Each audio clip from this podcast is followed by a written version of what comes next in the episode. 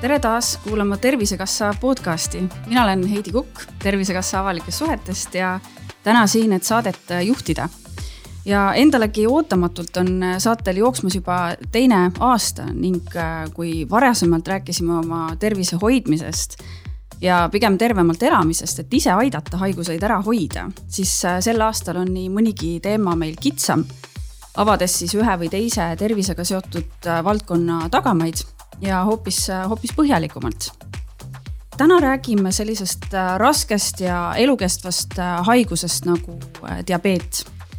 ja avame küll põgusalt ka selle haiguse sisu ja võimalikke põhjuseid, aga veel enam ma sooviksin siis saate jooksul teada saada, et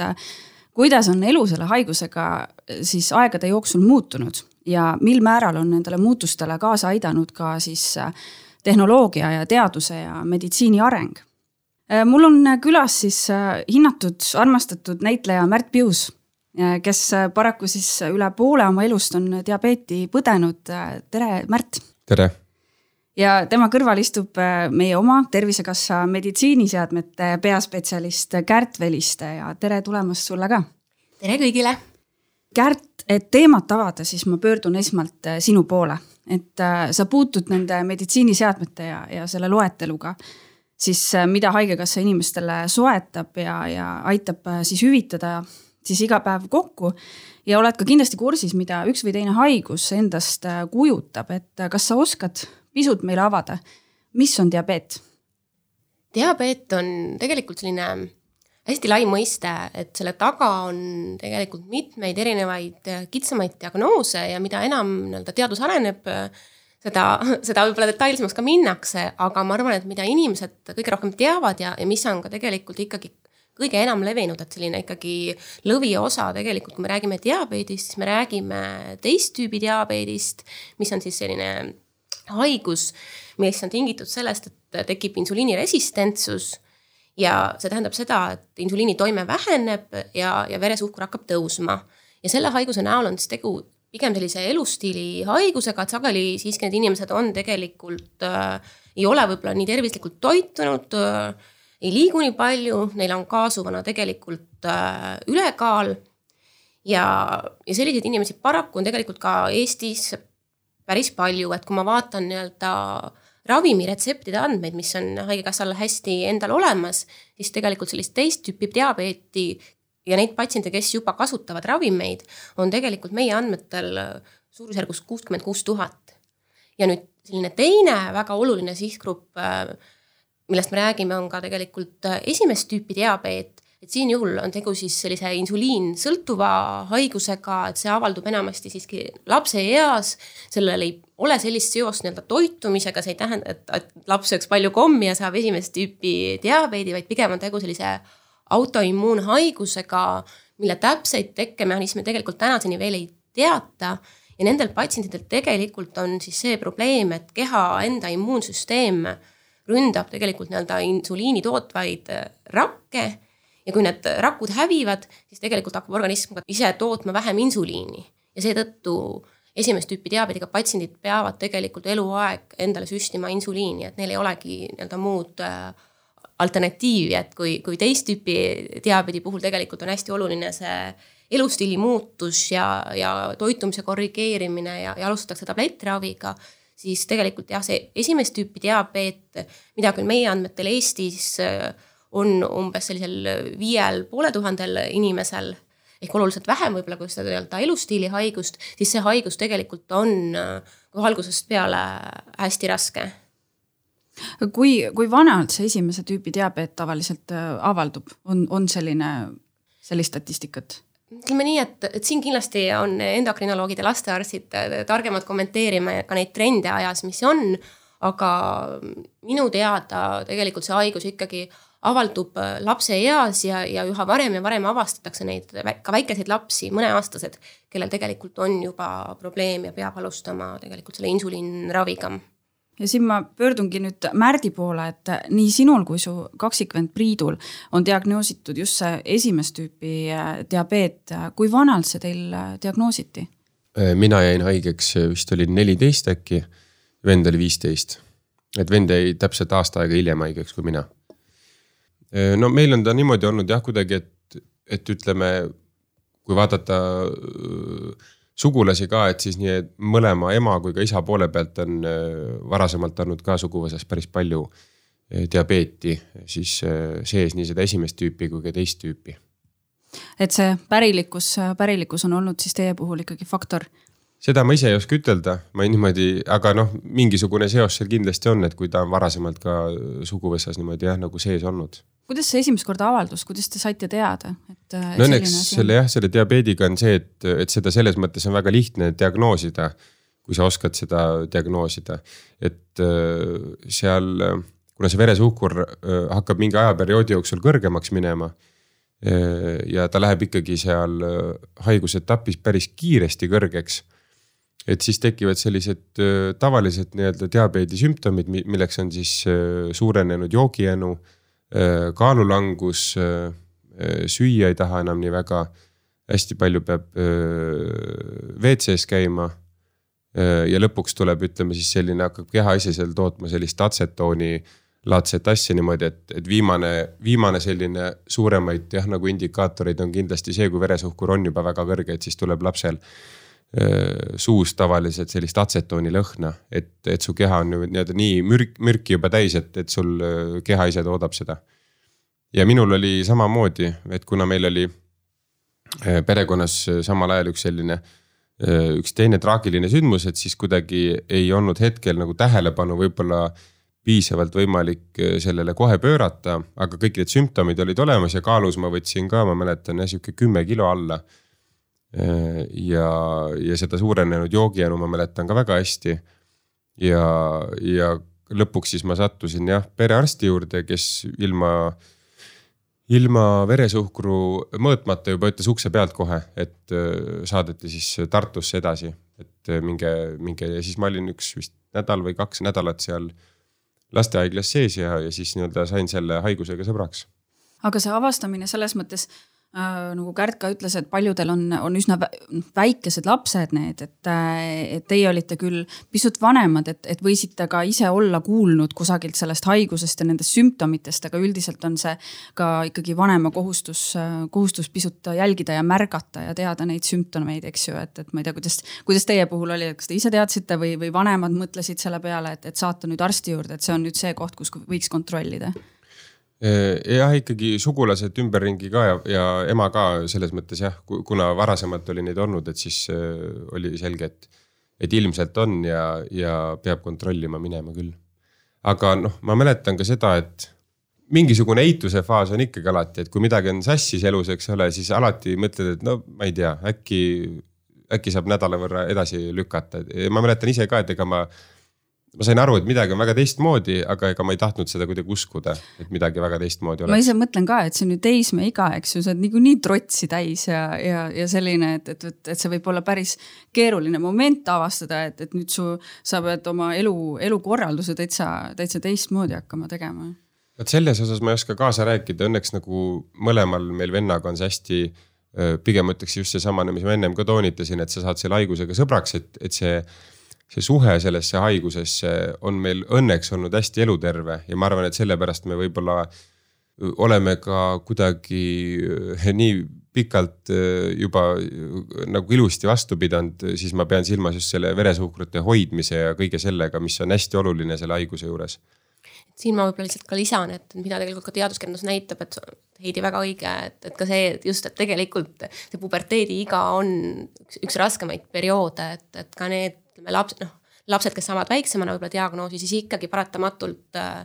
noores eas äh, tahetakse võib-olla olla rohkem äh, nii-öelda teiste eakaaslastega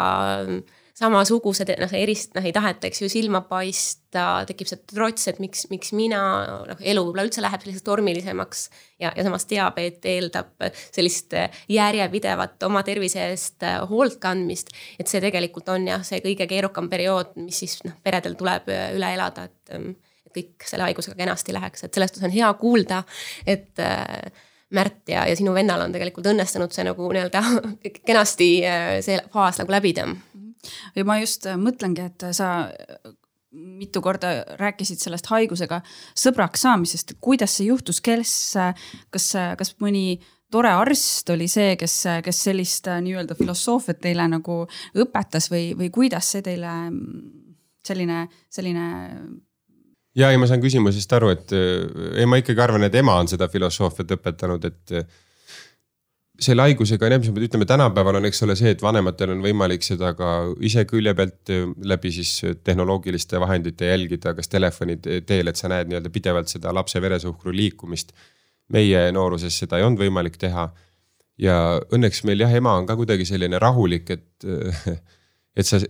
noh, nagu lapsena, eks ole, see on niigi mingisugune selline suur sündmus sinu jaoks ja väga hea on, kui see lapsevanem sinu kõrval sellel hetkel ikkagi tugev on, et ta nüüd ise ei jää haigeks, noh, nii-öelda jutumärkides. et ta ise nüüd ei hakka seda diabeeti põdema ja, ja läbi elama seda kõike, et mis sinuga juhtub ja, ja kõik nii. et, et lapsevanema ikkagi kohus on selles mõttes olla kuidagi selline ratsionaalne ja, ja tugev õlg seal all. ja, ja kuidagi siis oma tunnetusega edasi andma seda, et et lap-, et kui laps nii-öelda seda lapsevanemat enda jaoks peegeldab, et siis tal ei tekiks tema pealt tunnet, et. et nii-öelda, et ma saan aru, ema või isa, et teie olete nii-öelda ärevamad kui mina, järelikult vist mina peaksin olema ka ärev. et meil jah, nagu sellist momenti kuidagi üldse ei olnud ja arstid olid ka väga head, ma mäletan seal. see lastearst, kes meil Tartus oli. Äh, kelle juures me siis äh, käisime siis äh, kuni vist kaheteistkümnenda klassini või noh, siis kui kaheksateist saime tema oli väga-väga hea arst ja, ja nüüd nii-öelda Tallinnas samamoodi seal diabeedikeskuses, kus siis põhimõtteliselt iga kolme või nelja kuu tagant eh, tuleb käia. et, et seal on ka samamoodi väga head arstid. kuidas alguses see elu selle diabeediga oli või see harjumine, et milline see päevarütm oli, et, et äh, ma saan aru, kas, kas kohe hakkas pihta see pidev kalkuleerimine, süsivesikute ja veresuhkru mõõtmine ja et, et mis, mismoodi see elu sul muutus selle skeemi jah, sai seal kahe nädalaga seal lastehaiglas endale selgeks tehtud, selle süsteskeemi ka. aga ega ma pean ütlema, et ega ta põhimõtteliselt on siiamaani segane. see, see diabeet, noh, nii palju, eks ole, seal seos on, et, et on insuliini kõikumine üles-alla. on süsivesikute tarbimine, mis siis seda insuliini kõikumist äh, dikteerivad ja on siis äh, see insuliinisüstal, eks ole, millega sa siis seda reguleerid või tasakaalus hoiad. ja ega selle, selle jaoks ei ole noh, viisteist aastat või palju ma olnud olen haige. et ega selle jaoks ei ole mingisugust valemit äh, siiamaani välja kujunenud, et ta ikkagi päeva jooksul ka kõigub väga palju suurtes ulatustes. noh, siis me ütleme jällegi, et inimese jaoks võib-olla, kes ei tea, et siis äh, tervel inimesel on see insuliini tase selline noh, neli koma kolm kuni mingi kuus vahemikus aga diabeedikul on, võib-olla, eks ole, halbadel päevadel võib-olla väga madala insuliiniga võib-olla kaks või alla selle ja suur, kõrgematel aegadel võib-olla ka kakskümmend. et see, see kõikumise vahe on väga suur.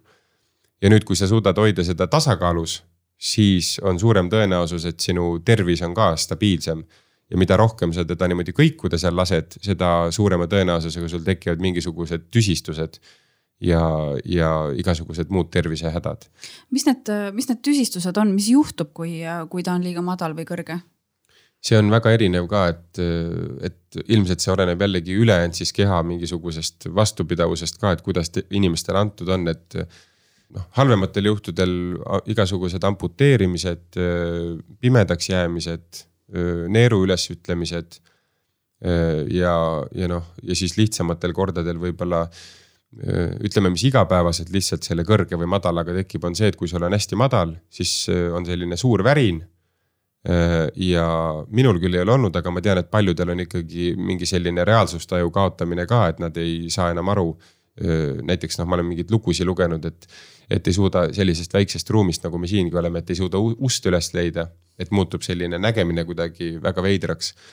et noh, et muutud nagu ebaadekvaatseks ja, ja kõrge veresuhkruga on ka selline. ma ei oskagi ütelda, see on sihuke ka, kuidagi suu on selline vahune või, või, või kuidagi nagu sihukene nagu veider on olla, sa ühesõnaga tajud selle ära. aga ma ütlen, et see on jällegi ainult minu eripära, sest et väga paljud, ma tean, ei taju üldse ära, et kas on madal või kõrge veresuhkur. selge, selle, see tähendab seda, et, et et päris oma intuitsiooniga sa ei pruugi ikkagi aru saada, et mis see suhkur sul seal veres teeb, et, et sul on ikkagi vaja neid, neid seadmeid, mis korralikult mõõdaksid. ja, ja selge on see ja õnneks, õnneks need seadmed on ka aja jooksul väga palju arenenud, et võrreldes ka sellega, mis noh, meie saime, kui me, kui ma jäin diabeedikuks, siis ma sain mõõta vist kak, kaks või kolm korda päevas veresuhkrut. sellepärast, et, et mingisugune kate oli haigekassa poolt selle jaoks olemas, eks ole, siis nende lantsettide näol, mille kaudu sa saad neid veresuhkruid mõõta, siuksed aparaadid, need ja kuna noh, neid juurde ei jaksanud ise osta, et siis tuligi lihtsalt see poole aasta ports endale ära jaotada, et kui palju sa siis päevas tohid seda teha. aga õnneks need mahud on tohutult kasvanud ja nüüd sellest aastast jaanuarikuust on, on ka ilusti läinud need, kuidas siis neid nimetataksegi, glükoosi. Püsimonitooring võib-olla. püsimonitooringud jah, ühesõnaga need, et sa saad nagu siis panna keha külge ja mobiiliäpist saad vaadata ja, ja need see keha küljes olev aplikaator siis mõõdab iga viie minuti tagant sinu veresuhkrut, ehk et ta annab sulle nagu äh,. annab sulle palju suurema sellise statistilise äh, tulemuse nagu päeva mõõtes ka, et kas ta liigub sul üles-alla ja ta näitab ka seda trendi, et kas ta hakkab ülespoole liikuma või hakkab allapoole liikuma. mis on tõesti noh, üli, ülioluline sellest on jah, kõlab, kõlab nagu kindlasti abi. et enne kui me nendest äh, seadmetest veel põhjalikumalt rääkima hakkame, ma küsin korraks veel sinu elurütmi kohta, et, et sa põgusalt sellest äh, teismeea või tollest ajast natuke rääkisid, aga kuidas, kuidas see sul praegu on, sa oled äh, väga aktiivne inimene ja näitlejatel teadupärast sellist väga rutiinset elu ei ole, et kuidas, kuidas sa seal seda, selle haigusega nüüd niimoodi sõber oled? No täpselt samamoodi, et kuna ju elukutse on üks ja teha seda tahad. ja ei saa nagu selle haiguse tõttu ka siis ju elu elamata jätta, et siis vastavalt sellele seda haigust üritad väänata sinna suunda, kus sa tahad, et ta, et ta liiguks, et noh, et ikkagi sa mõtled võib-olla jah natukene päeva rohkem ette, aga jällegi sellest ei ole ka mitte kunagi mingit otsest kasu. sest et nii palju on ikkagi muutuvaid faktoreid, kasvõi noh, kõik seesamane liikuminegi, et, et kui sa teed juba päevas ühe trenni, siis see veresuhkur kõigub päris palju. ta ikkagi pigem noh, selles heas mõttes tahab allapoole hakata tulema. kui sa jällegi päevas jätad trenni tegemata, no siis ta liigub ülespoole, et sa pead kogu aeg nagu mõtlema ette, et palju ma siis neid, palju ma seda insuliini endale süstida tohin ja kui palju ma siis sööma pean. aga ma ütlen, et ega ma selles mõttes olen ikkagi laisk inimene, et, et ega ma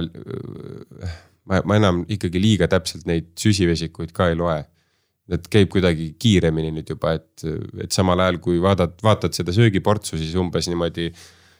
intuitiivselt äh, keerad sellele insuliinipennile endale selle õige koguse ka ja siis kuidagi pärast klatid, et kas, kas peab midagi veel juurde sööma või, või vastupidi. ilmselt see tunnetus on juba tekkinud ka, et sa, sa enam-vähem vaatad seda toidukaussi ja sa juba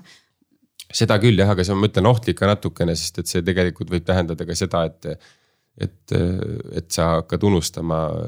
ära, et kas sa tegid insuliinisüsti või mitte, et siukseid asju on nüüd ka viimasel paaril aastal nagu tulnud mõned korrad. see on nii loomulikuks juba muutunud. jah, mida nagu varem, varem ei ole ette tulnud. nüüd räägiks tõesti pisut nendest seadmetest, mis, mis peaksid siis diabeedihaige elu pisut lihtsamaks tegema, et Kärt diabeedihaigetele on siis mõeldud need erinevad seadmed, mis osa siis aitavad mõõta, osa siis süstida või siis pumbata seda insuliini. et milliseid seadmeid või vahendeid siis Haigekassa diabeedihaigetele kompenseerib mm? -hmm. et nagu Märt mainis, et siis tegelikult see valik ja need kogused on ajas olnud kogu aeg muutumises ja, ja võib-olla veel esimese sellise tähelepanekuna me ei tohi ka ära unustada, et lisaks sellele nii-öelda toetavale tehnoloogiale on tegelikult ju väga palju edasi arenenud ka insuliinid ise. et, et see, et on tekkinud sellised väga pikatoimelised insuliinid, mis aitavad ka hoida seda nii-öelda veresuhkru taset sellises nagu pikemas perioodis kontrolli all, et ka see on väga oluline, et, et ühtpidi võib ju mõelda, et, et kui sa kogu aeg mõõdad oma veresuhkrut ja tead näitu, aga kui sinna kõrvale sa ei tee raviotsuseid, ei süsti, tegelikult ei keera seda penni peale näiteks, kui vaja. noh, siis on ikkagi probleem, et need kaks asja kindlasti noh, peavad alati ilusti käima käsikäes, et üks see, et sa tead oma neid näite, aga teine ka, et, et, et mis otsuseid sa siis nagu langetad. et need on hästi olulised aspektid mõlemad. aga kui me räägime just nendest nii-öelda meditsiiniseadmetest ehk siis nendest abivahenditest, mida inimesed ise siis kodus oma haigusega elamisel saavad kasutada, et, et tervis püsiks äh, heana siis seal ütleme, sellised esimesed seadmed, äh, millega ka Märt alustas, ongi nii-öelda sisuliselt glükomeeter, selline väike seade, mille juurde kuuluvad siis äh, nii-öelda väike lansett, mis on torkevahend, et sõrme otsast veri välja tuleks. ja siis selle veretilga paned nii-öelda testriba peale ja siis see glükomeeter näitab sulle see näidu. aga see on jah, täpselt nii, et kui sa kolm korda päevas mõõdad, siis sa saadki kolme erineva ajahetke tulemuse, aga sul puudub selline nagu teadmine sellest trendist, et kas sa nüüd liigub see näit ülespoole, kas ta liigub allapoole. Et, et see oli alati selline, ma ütleks nagu, nagu poolik info. ja, ja nüüd on siis tegelikult turule tulnud äh, Mm, esimesena tulid sellised insuliinipumbad, mis on ka sellised väiksed aparaadid, kuhu siis nii-öelda pumbal on selline väike reservuaar, kuhu pannakse sisse insuliin. siis on kanüülid, mis aitavad siis seda insuliini sealt pumba seest äh, nii-öelda naha alla süstida. ja, ja need seadmed siis nendele lisaks siis hakati ka valmistama neid nii-öelda püsimonitooringu seadmeid ähm, äh, mis on siis sellised seadmed, mille juures on selline sensor, mis nii-öelda ka väikese sellise nii-öelda nõelakesega äh, paned naha külge ja siis see mm, toimub mõõtmine seal naha aluskoes ja see näit siis jah, täna juba nii-öelda kuvatakse mobiiltelefoni.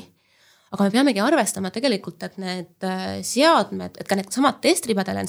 äh, ja ka süstenõelad, et me oleme neid juba täna võtame noh, nii-öelda väga iseenesestmõistetavana, eks ju, et aga ka nende hinnad on olnud ajas tegelikult märksa kõrgemad. ja see on ka see põhjus, miks tegelikult ka nende nii-öelda tarvikute limiite me oleme saanud järk-järgult kogu aeg suurendada, et, et me peame arvestama, et, et raha on ju ka meil, eks ju, piiratult. ja nüüd on siis olnud tõesti võimalik sellest aastast tegelikult teha see ülioluline otsus, märgiline otsus, et tegelikult neid tõesti neid äh, kaasaegseid seadmeid, mis pidevalt mõõdavad seda veresuhkrut, et, et seda me saame nüüd äh, täna rahastada kõigile esimest tüüpi diabeediga patsiendile, et tõesti, et oleks äh, patsiendil endal ülevaade, mis selle veresuhkruga päeva jooksul toimub. noh, kuidas erinevad aspektid, toitumine,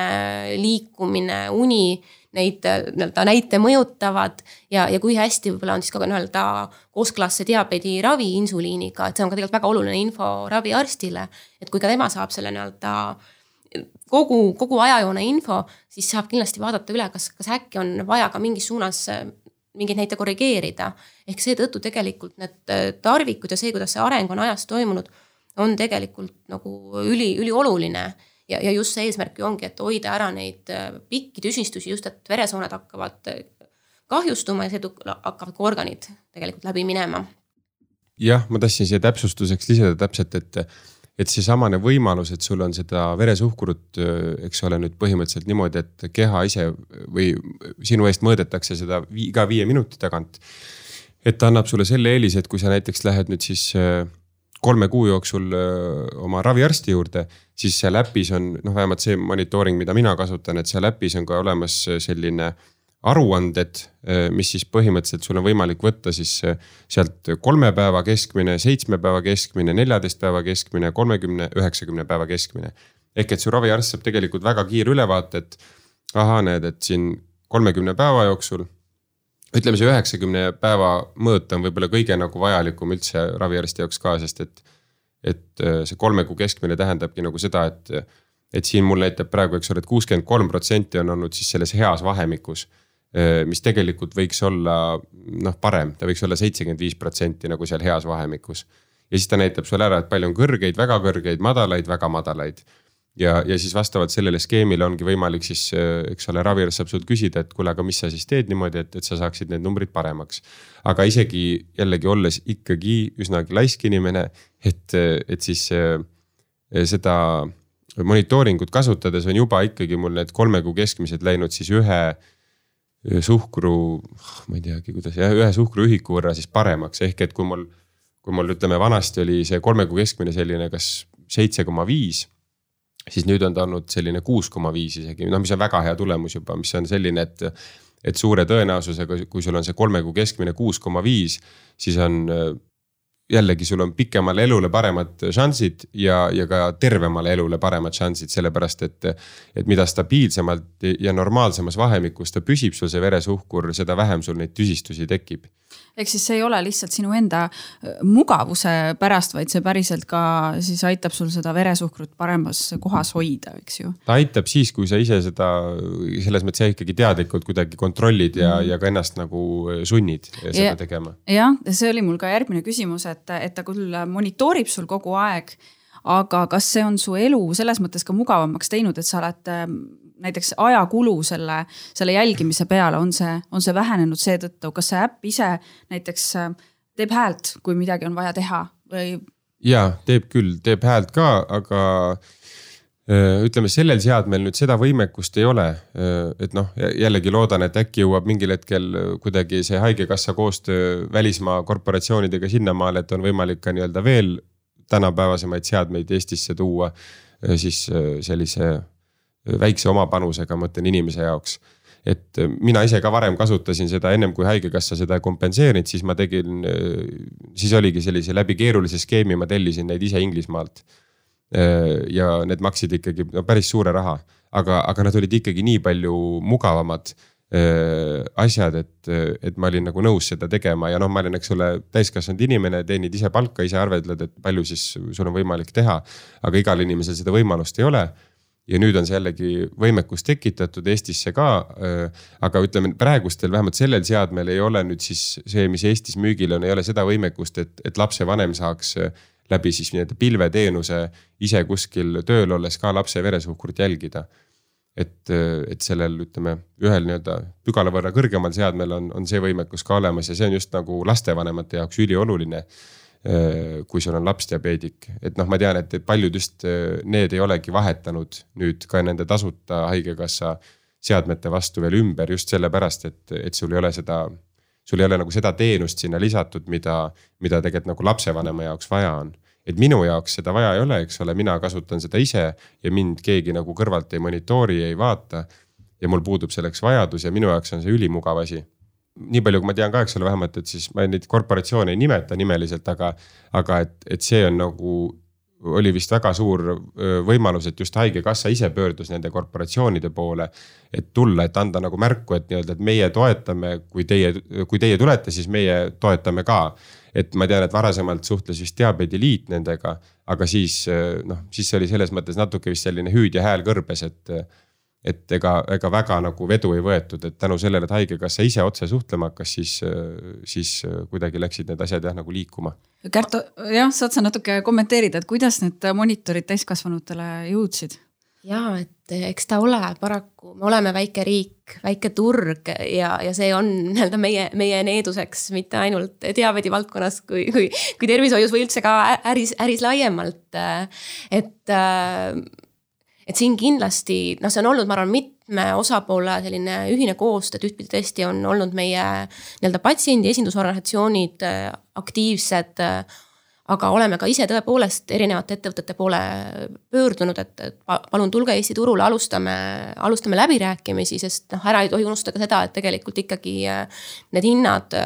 ja, ja see raha, mida meie siis äh, diabeeti investeerime, et ka see peab olema nagu mõistlik ja me peame ju arvestama, et seda raha ei saa me enam kasutada siis mõne teise haiguse raviks. et seetõttu on tegelikult hästi oluline, et, et need kohustused, mis me endale võtame, et me neid ka nii-öelda pikaajaliselt tegelikult ka kanda jaksaksime, et seesama, et täna me räägime, et, et Eestis on võib-olla viis ja pool tuhat esimest tüüpi diabeetikut ja nende ravi on tegelikult ju eluaegne, ehk et need seadmed, need kallid seadmed, mida me maksame või see ei ole ühe aasta kulu, see on järgneva ütleme viiekümne aasta kulu ja iga aasta tuleb ka uusi patsiente, et need on need kalkulatsioonid, mis meil peavad alati nagu endal kuplas olema, et. et väga ju tahame aidata, aga kas see on meile jõukohane ja, ja kui me selle sammu teeme, et siis me ei tohi nagu hakata hiljem alt ära hüppama, et, et oi, et liiga, liiga kalliks läks. ja, ja teisalt siin ongi noh, minu vaatest küll ka hästi suur ja oluline roll tegelikult just ka ettevõtetele endi poolt, et ikkagi et ka nende huvi ja motivatsioon tegelikult tagada seda kaasaegset ravi ja neid ravivõimalusi tegelikult äh, ka Eestile. et tegelikult ka ju ettevõtete ühine huvi peaks olema, et, et ikkagi need nii-öelda innovaatilised seadmed, mis on välja mõeldud, et need reaalselt jõuaksid ka tegelikult ju patsientideni. ja siin tõepoolest, et, et see samm sai suuresti võimalikuks tänu ühele ettevõttele, uuele tulijale Eesti turule aga, aga tegelikult on meil olnud ka juba varasemalt, lastele me kompenseerime taolisi seadmeid juba tegelikult äh, aastaid. aga, aga just, et, et sellist väikest nagu konkurentsi sellist äh, trigger'it on nagu vaja, et, et tegelikult ikkagi äh, siin noh, ei saa üle ega ümber sellest nende ettevõtete endi sellisest koostöötahtest ka ja, ja jah, me konkureerime nende nii-öelda välisturgudega ja teatud kogu see sensorravi tegelikult, püsimonitooring jah, see on selline uus arenev valdkond üle kogu maailma, üle kogu Euroopa, et tegelikult me teame ka, et, et tehased on kohati olnud ka hädas nagu nii-öelda Lääne-Euroopa nõudluse tagamisega, et, et meile on noh, esimeste kirjadele vastused noh, tulid täiesti otse ettevõtete poolt, et me üritame kõigepealt oma ühed turud paika saada, siis hakkame teie poole vaatama, et karm, aga noh, aus vastus, aga täna mul on tõesti hea meel, et, et tegelikult. Äh, et noh, ma arvan, et oli ka kartjaid, kes ütlesid või skeptikuid, et noh, Eesti turg jääbki nii väikseks, et te, te ei saa kunagi seda hinda, noh, mis te siin nagu tahate ja öö, olemegi see vaene väike riik, aga tegelikult öö, on näha olnud, et meil ikkagi on õnnestunud tegelikult mitte ainult saada ettevõte oma toodanguga meie turule vaid saada ka see hind, mis tõepoolest on ka meile nagu jõukohane. ehk see on, ma arvan, selline väga hea lõpplahendus, millest ju tegelikult võidavad äh, meie, meie enda patsiendid. kui kaua selline protsess kestab? et ma saan aru, et, et te, te, te jõuate ühe või teise poole algatusel sinna ühe laua taha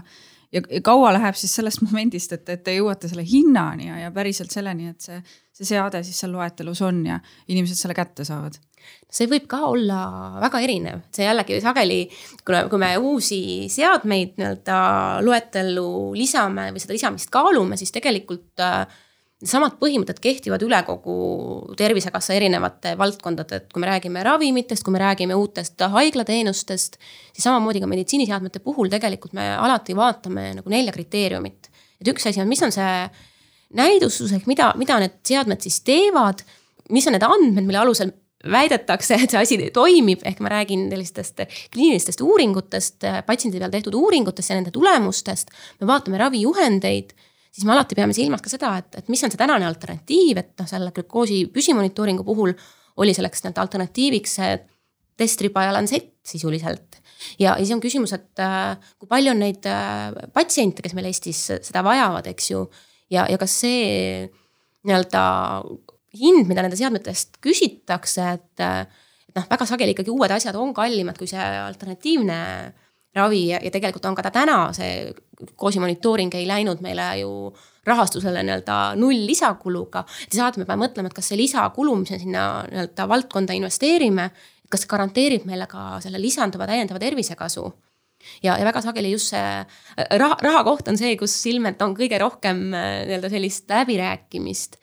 aga antud juhul selle ettevõttega tegelikult noh, eeltöö käis juba pikalt neid esimesi pöördumisi ja kontakte. aga, aga sisuliselt oli ikkagi tegu noh, sellise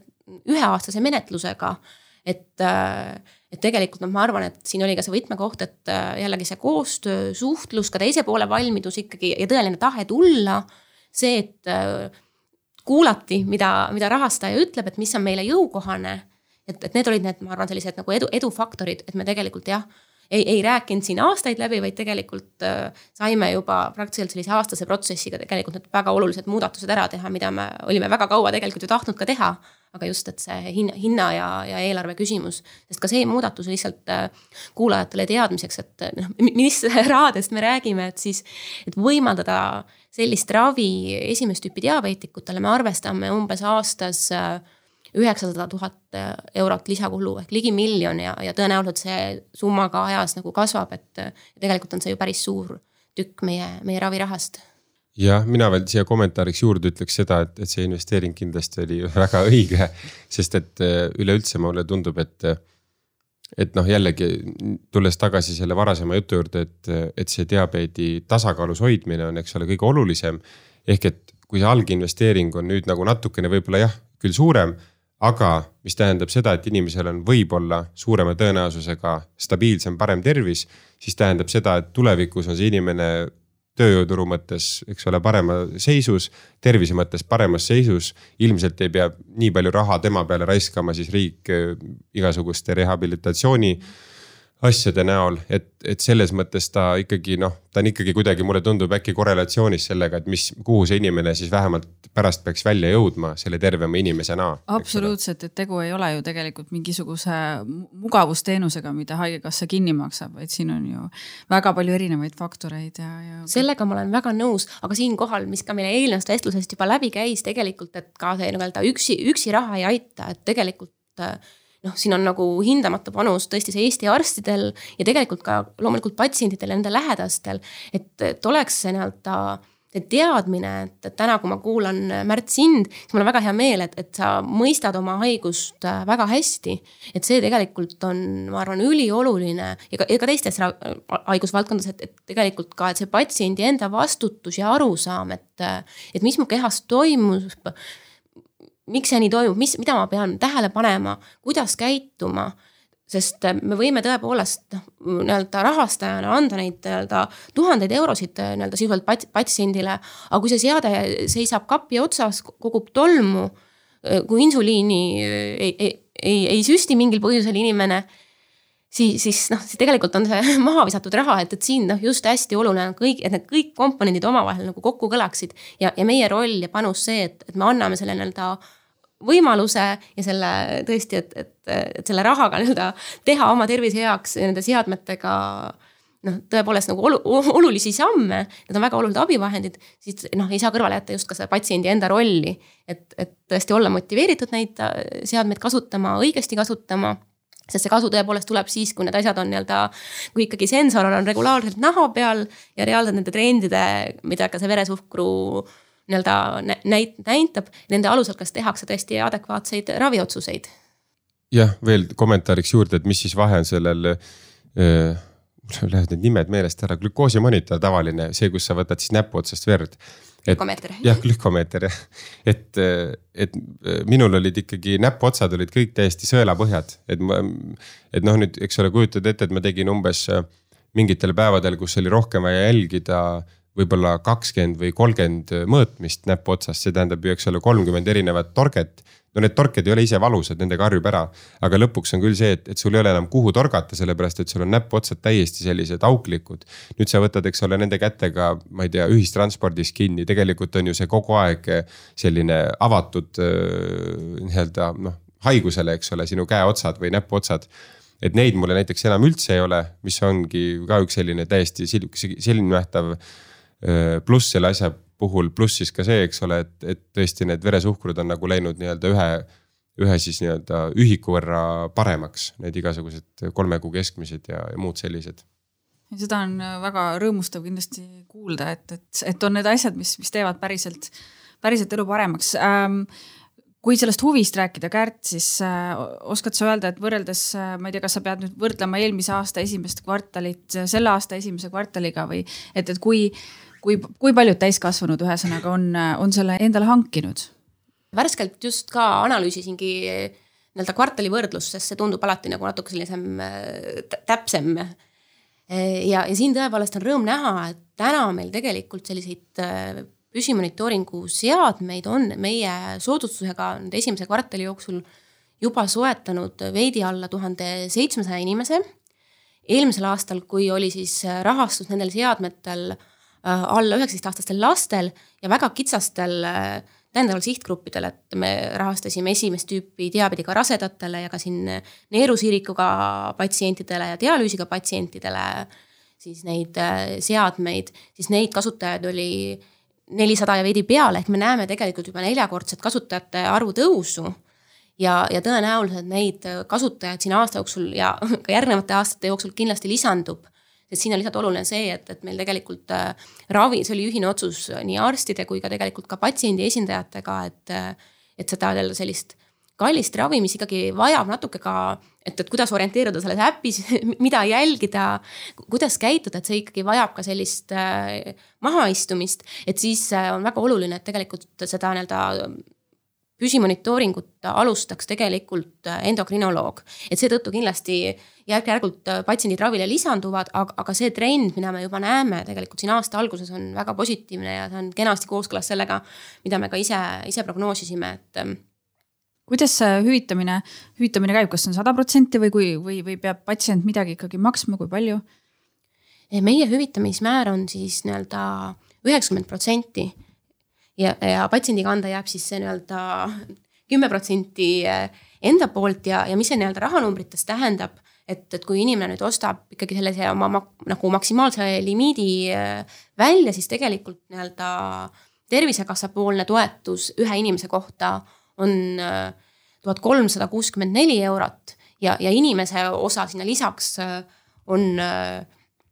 selline sada viiskümmend kaks eurot. Et puhtalt, kui me räägime siis jah, see sensor ja need nii-öelda saatjad. ehk et me oleme võtnud tegelikult päris suure tüki enda kanda ja, ja tegelikult noh, vahel on olnud arutelusid, et noh, et, et, et kui nagu tervet rehkendust ei jaksa, et noh, tee siis pool, et, et hakake rahastama kuidagi noh, näiteks viiekümne protsendiga, siis me oleme alati öelnud, et ei, et me peame selle hinna saama nagu õiglaseks. sest see viiskümmend protsenti võib olla väga paljudele patsientidele üle jõu käiv, et, et tõepoolest noor, edukas, aktiivne inimene saab endale seda lubada, aga võib-olla see teine, kellel tegelikult on veresuhkrunäidud veel rohkem korrast ära, ei pruugi seda otsust jaksata teha, ehk see, seetõttu on meie huvi olnud alati selliste väga nii-öelda oluliste seadmete rahastamisel see, et see tegelikult oleks ka praktikas siis äh, inimesele jõukohane. aga samas on ka väike omaosalus alati, ma arvan, mõistlik, motiveeriv, et, et just, et inimene saaks ka aru ise, et see on ka tema panus sellesse oma ravisse ähm Märt, selles mõttes nendele monitoridele lisanduvad kindlasti, kindlasti muud asjad äh, veel, kas sa ise oled kokku arvutanud, palju sul, palju sul kuus või aastas äh, selle, selle haiguse ähm, ravi või monitoorimise peale kulub? ei ole. Ma just mõtlen, mis sinna lisandub, no selles mõttes haigekassa kompenseerib ka insuliini, mis oleks ka muidu ma ütleks kättesaamatu sõidan korra sisse, et ja see on sada protsenti, et siin tuleb inimesel tõesti maksta ainult äh, retseptitasu kaks viiskümmend. jah, no ma ütlen muidu minu meelest see karp, kui ma kunagi seal mingeid hindu olen vaadanud, minu arust nad teevad ikkagi midagi, seal oli üle tuhande ikkagi üks see karp või äkki ma panen mööda ma kardan, et, et siin natuke võib-olla aga, ta ikkagi, me räägime mm, ikkagi suurusjärgus, ma ütlen selline ka noh, kuuskümmend, seitsekümmend eurot äh, karp ja neid karpe läheb ju aastas nagu palju. võib-olla ma mäletasin krooni aja hindu. või väga võimalik, aga, aga, noh, aastane kulu tegelikult võib täitsa sinna tuhande euro kanti tegelikult ka nendele ravimitele ja. nagu minna, et, et see tõepoolest no, on noh, väga, väga suur tükk jällegi inimese enda eelarvest, mille me oleme tegelikult noh väga selgelt aru saanud, et, et kui diabeetik, esimest tüüpi diabeetik ei saa ilma insuliinita elada, ilma et ei tekiks selliseid kohutavaid äh, tüsistusi no,. selles mõttes isegi ei teki tüsistust, vaid surm, et kui sa ikkagi insuliini ei saa endale süstida, siis sured ära. ongi väga lihtne. et, et siin ei ole küsimust, et, et millise soodusmääraga, et, et see tuleb teha kättesaadavaks ja seda me oleme juba päris ammu ka teinud jah, aga veel, et, et ühesõnaga ma mäletan, et kui ma neid ise hangeldasin, neid äh, monitooringu seadmeid sealt Inglismaalt. siis oli ikkagi nii, et mingi see kolme kuu selline äh, pakett maksis äkki mingi kaks tuhat või tuhat viissada, midagi sinnakanti, kõik see, ütleme kuludega noh, Eestisse toomine niimoodi, et ja noh, siis selles mõttes noh, ma ei, neid ei hakka rääkima siin igasuguseid, no mis on siis nagu diabeetikud ise, eks ole, kuskil foorumites, et kuidas neid on võimalik seal pikendada ka ja, ja kõik nii, et, et kuna ongi, et, et see raha on nagu päris suur, eks ole, et siis ei tundunud nagu mõistlik, et sa kasutad seda ainult kümme päeva, vaid sellest kümnest on võimalik ka teha kolmkümmend päeva, aga noh, ma ütlen, et nüüd, nüüd enam nagu ei tee niimoodi, sellepärast et nüüd on see võimekus nagu tagatud, aga noh, see on jällegi täpselt, ütleme lihtsalt ma kirjeldan natukene seda vahet, et, et mis on paberi peal, eks ole, kirjas ja mis on nagu, kui sa päriselt praktiseerid seda asja. et seal on ikkagi erinevused vahel sees, sama on selle insuliiniga ka, et et, et ma tean, et jah, et, et paljud näiteks, et need pikatoimelised ka, et, et osadele inimestele lihtsalt ei sobi. ma ei tea, et kehal tekib mingisugune vastureaktsioon, et siis sa selles mõttes jah, peadki nagu leidma endale nagu selle õige insuliini nii selle pika kui ka selle lühikese näol. et milline just sinu kehale sobib, et ta ei tekitaks sul mingisuguseid allergilisi reaktsioone ega midagi sellist. ja, ja aitaks sul ka kuidagi seda hoida kõige nagu paremini, seda veresuhkrut et mina arvan, et jah, mina olen nagu vist võib-olla, mul ei ole tegelikult nagu, ma ütlen, mul mingeid allergilisi siukseid nagu probleeme pole üldse õnneks olnud sellega, et mul on selles mõttes need seadmed, mida ma olen kasutusele võtnud, ma olen kuidagi nende juurde jäänud, sest nad on päriselt aidanud ja nad ei ole mingeid siukseid lisakomplikatsioone tekitanud. Äh, aga, ja, ja õnneks ei ole ka mingeid selliseid tüsistusi, mida siis ma mõtlen, noh, rahaliselt aasta jooksul ma peaks arvutama, et palju mul selle peale kõik läheb, et hoida neid asju paigas. aga noh, see kõik on jällegi ainult selle tulemus, et tuleb käia lihtsalt iga kolme kuu tagant äh, diabeediarsti juures.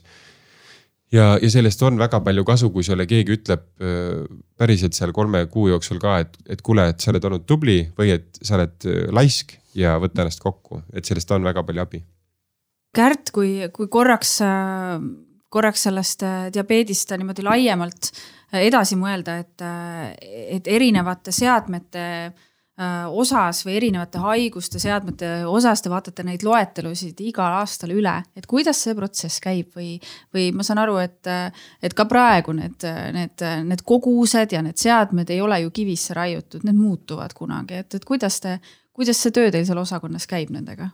Tõesti see nii on, et igal aastal me tegelikult äh, nii-öelda selle loetelu taas jälle avame nii-öelda selle hinnakirja, mille alusel siis tegelikult äh, me meditsiiniseadmeid rahastame. ja see on selline aastane protsess, et äh, siin nii-öelda algatajaid saab mõnes mõttes olla noh, erinevaid. et ühest küljest kindlasti on meie enda head koostööpartnerid, ettevõtted, kes siis esitavadki konkreetse toote lisamiseks vastava taotluse teisalt loomulikult me suhtleme kogu aeg ka oma nii-öelda arstkonnaga ja, ja kuulame neid, et, et kui eh, tuleb neid sõnumeid, et, et näiteks mingis tootegrupis oleks tegelikult teatud patsientidel vaja nii-öelda suuremaid koguseid, et, et ei vea nagu välja nende, nende limiitidega, mida me oleme võimaldanud, siis, siis jällegi me vaatame otsa, vaatame oma andmetele otsa, vaatame, kas äh, kas see palve tundub meile loogiline, kas meil on selle jaoks raha ja nii tegelikult just diabeet, ma arvan, on hea näide, et, et et seal meil on mõnevõrra erinevad limiidid ja need kogused, mida me näiteks testribasid ja lantsetti hüvitame, sõltuvalt sellest, et täpselt millise diabeediga on tegu. et, et lastele on alati olnud sellised suuremad kogused, siis esimest tüüpi täiskasvanutele natuke väiksemad ja võib-olla teist tüüpi diabeet äh, on ajas olnud omakorda natuke veel väiksemate kogustega, et, et seal need testimisvajadused on olnud teistsugused, aga jällegi, et äh, nii-öelda igal aastal, kui me vaatame, et, et võib-olla oleks nagu meil ressurssi teha siin ka nii-öelda muudatusi, siis neid me tegelikult oleme siin tõesti viimased, ma ütleks selline kolm aastat kindlasti igal aastal äh, midagi nii-öelda timminud ja, ja mitte ainult diabeedi valdkonnas, vaid ka teistes äh, valdkondades. Ja mm, ja see on hästi oluline just see, et, et kui me siis need otsused teeme, et see ei, tegelikult, et seeläbi, et vahel ka, kui näiteks mõni, mõni mure ongi tulnud läbi selle mõne arsti poolt, et, et tema patsiendil on, on häda, siis me saame vaadata, et jah, et võib-olla me ei saa kohe homme päev nii-öelda elu paremaks teha, aga kui see, kui see sõnum on nagu põhjendatud, siis tegelikult selle muudatuse me teeme ära loetelus keskselt, ehk et siis ei nii-öelda ei, ei võida sellest see ühe arsti üks patsient, vaid, vaid kõik patsiendid, kes on sarnases seisus. et seetõttu on hästi oluline tegelikult selline üldpõhimõtete ja sellise üldise loetelu ajakohasena hoidmine ja, ja kui siis noh, meile on nii-öelda need teadmised ja ettepanekud aasta alguses äh, tulnud, siis me vaatame neile otsa, et mis, mis teemad on. Äh, kindlasti vaatame, et, et kui äh, et, et on ühed taotlused on need, mis puudutavad noh, sisuliselt nagu täiendavaid alternatiive, et, et üks haavaplaaster juba on loetelus, nüüd, nüüd on uuem mudel. et, et see on selline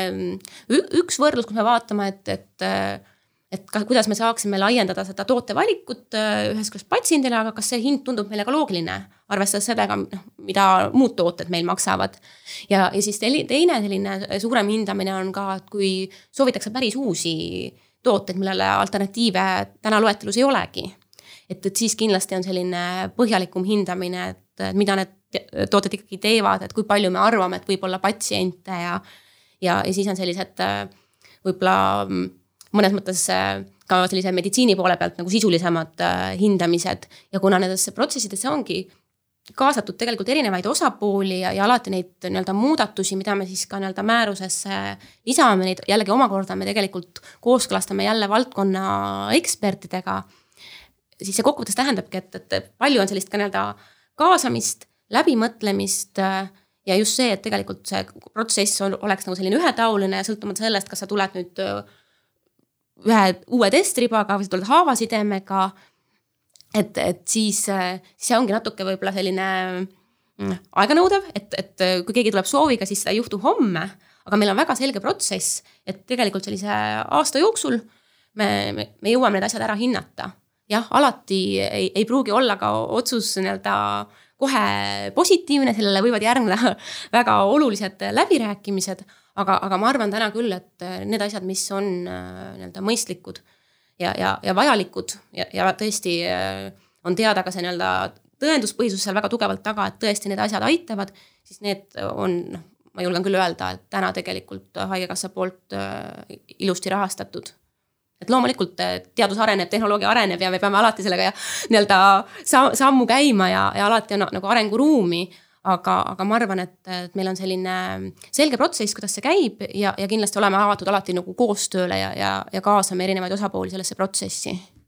minule ka veel kommentaariks, et kuna ütleme, mina olen ka seda diabeeti äh, alati selles mõttes huviga jälginud, et mis nii-öelda, mis siis muutub, mis viie aasta pärast äkki ägedam on, mis kümne aasta pärast võib-olla parem on, et siis mina ikkagi usun väga seda, et. et äkki viieteist või kahekümne aasta pärast on ta selline haigus, mida on, võib-olla äkki ei olegi enam. Et äkki on võimalik seda kuidagi täiesti öö, kõrvale lülitada siis inimesest või et isegi praegu ma tean, et, et see nii-öelda need suured korporatsioonid teevad ka omavahel niimoodi koostöid, et. et ideaalis võib-olla see monitooring läheb selles mõttes näiteks palju odavamaks, et, et need kaovad nagu keha pealt ära, need lähevad nutikelladesse, need lähevad mingite anduritega niimoodi, et sa saad nagu läbi kella seda üldse mõõta. et ei ole üldse mingit sellist nahaalust süsteemi vaja enam, et ja noh, siis nagu mõtledki, et lähed lihtsalt poodi, ostad endale kella ja, ja see on ühekordne siis, selline investeering, eks ole. ja siis. siis võiks olla nii, et see insuliin läheb ka ise kuidagi sinu kehasse vastavalt sellele, mida see monitor sulle ütleb, on ju. Et... no see on juba olemas, aga see on, need ongi, eks ole, need noh, nad on, nad on siuksed pumbad, aga jah, nad on natuke. noh, mina ise ei olegi neid kasutanud, sest et, et töö ei võimalda, et ei saa lihtsalt nagu panna siukseid asju endale külge pluss nagu ütlen, et väiksed mured, aga noh, see tähendabki, et ülejäänud asi on järelikult päris hästi juba läinud tööle, et. et väiksed mured ongi selle, selle aplikaatoriga ka, et noh, et suvel on päevitada väga, väga raske. sest et sul jäävad keha peale sellised kümnepäevased äh, ümarad laigud. kuna sa pead ümber tõstma neid aplikaatoreid, aga no ma ütlen, et kui, kui mured on juba nii väikseks läinud, siis järelikult ülejäänud süsteem ikkagi on ju päris hästi tööle läinud ja, ja aitäh äh, selgitamast, äh, Kärt, seda keerulist protsessi äh, ka, et, et kui tulla selle haiguse juurde veel siin saate lõpupoole korra veel tagasi, siis lisaks kõikvõimalikele seadmetele, mida saab ise osta või, või Haigekassa kompenseerib, on palju ähm, või on suur roll ka sellel, kuidas, mismoodi suhtuvad, suhtub ühiskond ja, ja aitavad sõbrad, aitavad lähedased et äh, milliseid soovitusi sa, Märt, nendele inimestele jagaksid või, või, või mida saaksid äh, näiteks õpetajad diabeedihaigele lapsele või kuidas, kuidas paremini toeks olla? ma selles mõttes, äh, ma olen väga seda usku, et, et nagu liiga palju ei saagi, sest et see on tegelikult sinu haigus. sina ise pead seda kõige paremini teadma ja, ja ma, mul on endal küll väga hea meel, et, et meil ka nagu tegelikult kodus ei tekkinud kunagi sellist olukorda, et. et ema oleks pidanud äh, seda haigust siis noh, jällegi rohkem nagu ise läbi põdema kui meie. Äh, vaid et see oligi nii-öelda minu ja venna haigus, me saime sellega ise noh, siiamaani hakkama ja see, sa ei tohigi tegelikult kordagi lootma jääda kellegi teise peale sellepärast, et, et teised saavad anda küll mingisugust nõu, aga no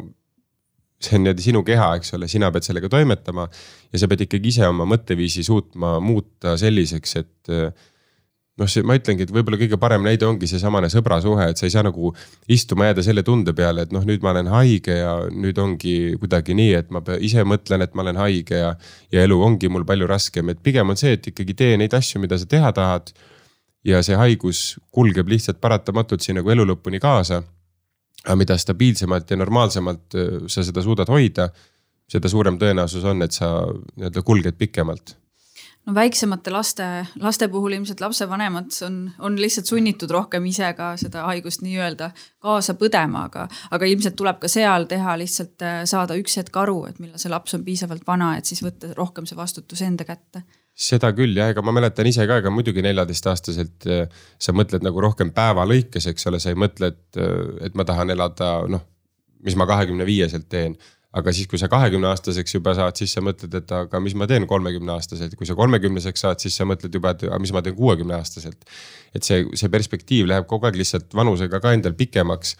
Ja mingis mõttes muidugi on kahju, et noorel inimesel ei ole seda võimekust, et, et, et noh, et suudad mõelda niimoodi neljateistaastaselt, aga näed, ma tahaks elada vähemalt kuuekümne aastaseks et no ma tean, et ma ütlengi, et, et selles mõttes see meie mingisugune mm, mõtteviis vennaga võib-olla ongi nagu teistmoodi olnud, et kõrvalt ma olen ka kuulnud väga palju selliseid lugusid, kus jäetakse insuliin süstimata, noored just. et nad, nad eiravad seda täielikult, et nendel see haigus on. Ja, ja see ongi kohutavalt kurb, et, et niimoodi läheb ja noh, ma ei, ma ei oskagi nagu seda seda, ega seda kõrvalt ei olegi võimalik kuidagi ju aidata ka inimest, kui, kui inimene nagu ise ei, ei taha ennast aidata, aga, aga see on mingisugune ma pigem jah toonitan siis seda, et mingisugune väga oluline aspekt selle haiguse juures on ka kindlasti see mõtteviis, et kuidas sa sellesse suhtud. ja ilmselt ka kurbadest kogemustest õppimine ilmselt, et noh, see seal selged füüsilised tagajärjed, kui sa. Jah, aga siis ongi juba natukene hilja, kui sul need füüsilised tagajärjed juba tulevad, siis on ikkagi juba noh, jah, siis on siis on ikkagi päris hilja juba, et, et aa, okei okay,, nüüd ma saan aru, et mul see haigus on, et nüüd ma pean seda te sellega tegelema ja noh, paljudel on kasvõi näiteks süstimise kartus või, või näpuotsast vere mõõtmise kartus. ma ütlengi, et kui, kui siuksed asjad häirivad, et sa ei suuda nagu ikkagi perspektiivi seda panna, et tegelikult on ju see, et kui ma seda ei tee, siis mind ei ole enam. Et, et jah, et seda, sellist mõtteviisi ja ma ei, ma ei, ma ei oska ka muidugi öelda, eks ole, et kuidas või keegi, kes see seda aitama peaks. ei teagi jah, selle koha pealt, et kuidas nagu, kuidas nagu seda just seda mõtteviisi arengut aidata siis noortel diabeetikutel äh, kaasa sellega, et, et kuidagi suhtuda sellesse nagu rõõmsamalt ja helgemalt natukene. mulle tundub, et siin kindlasti ongi hästi kasu sellistest headest eeskujudest eh, nagu tegelikult ju mm, Märt, sina ka oled, et, et saab täiesti kenasti olla aktiivne noor, olla näitleja, eks ju, et, et tegelikult haigus ei, ei, ei takista tegemast, ellu viimast oma oma unistusi ja ma arvan, siin kindlasti ka suur roll patsiendiorganisatsioonidel. see oma kogemuse jagamine tegelikult ma arvan, on noh, üli, ülioluline. ja, ja kindlasti laiemalt ka just see, et ühiskonnas see mõistmine, et me olemegi erinevad ja, ja see erinevus tegelikult äh, rikastab meid, ma arvan, see on hästi oluline täiesti nõus, et eeskujud on olulised ja, ja, ja ühiskonna roll ka selles mõttes, et, et meie et, et me kõik, kõik peame aru saama ka, mõistma ja aru saama ja olema teadlikud asjadest ka, mis, mis otseselt meid igapäevaselt ei, ei puuduta. aga, aga siinkohal ma tõmbaks meie saate täna kokku. et suur, suur tänu oma lugu jagamast, Märt Pius ja, ja pisut siis ka Tervisekassa poolseid telgitaguseid äh, avamast Kärt Veliste ja kõigile kuulajatele tuletan meelde, et kõiki meie varasemaid saateid saab äh, samuti järele kuulata ja seda siis aadressil soundcloud.com ja kaldkriips Tervisekassa. ja teile soovin rahulikku kevadet ja kuulamiseni. aitäh.